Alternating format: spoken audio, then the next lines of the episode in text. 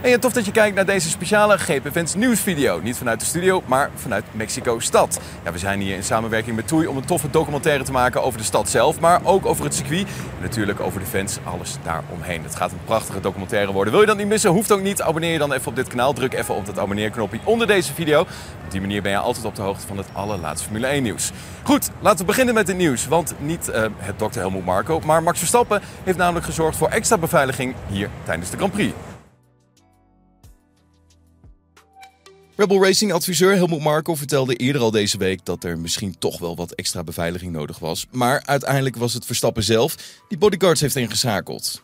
Ik heb de bodyguards zelf geregeld. Dat gaat niet via het team en het gebeurt wel vaker. Het is nu wel de eerste keer hier in Mexico, maar daar hoeven we niet zoveel tijd aan te besteden. Ja, waarom hij nou doelwit is geworden van enkele Mexicaanse fans, dat weet hij wel.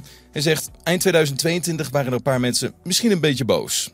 Zo doelde hij op de geweigerde teamorde in Brazilië, waarna de Perez-fans niet zo gesteld meer waren op Verstappen. Uiteindelijk zijn de beveiligers slechts een formaliteit voor Max Verstappen, want het is niet de eerste keer. Voor de rest is het gewoon een normale procedure en dat hoort bij bepaalde landen. Zo laat hij weten tegenover Viaplay. Carlos Sainz moest tijdens de eerste vrije training het grootste gedeelte van de sessie doorbrengen in de garage. De hydrauliek van zijn Ferrari had hij namelijk begeven. Maar het was niet de enige coureur met problemen. Lando Norris had aan het begin van VT1 wat problemen met het gaspedaal bij het uitrijden van de pitstraat. En Charles Leclerc liet via de boordradio aan Ferrari weten dat hij zijn motor een beetje gek vond klinken. Nou, bij zijn teamgenoot Sainz bleken de problemen echter veel groter te zijn. De Spanjaard verloor plotseling het hydraulisch systeem van de SF23 en moest zonder stuurbekrachtiging en met een haperende versnellingsbak naar de garage terug zien te komen.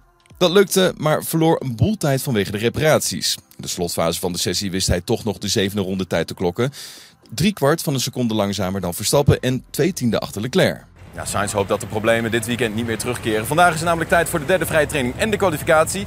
Maar ja, het is wel duidelijk dat niet alleen Carlos Sainz, maar ook andere teams veel problemen hebben hier in Mexico. En volgens Rebel Racing teambaas Christian Horner is het niet gek dat de concurrentie nu flinke stappen maakt richting het Oostenrijkse team.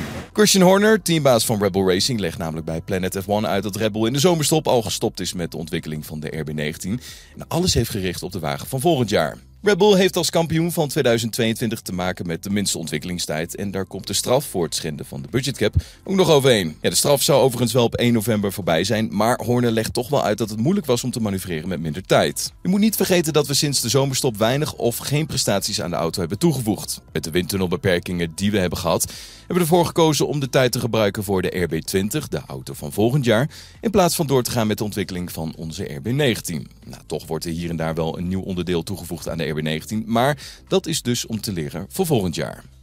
Ja, dat Red Bull Racing geen last heeft gehad van de beperkingen, dat komt volgens Horner simpelweg omdat de RB19 zo dominant is.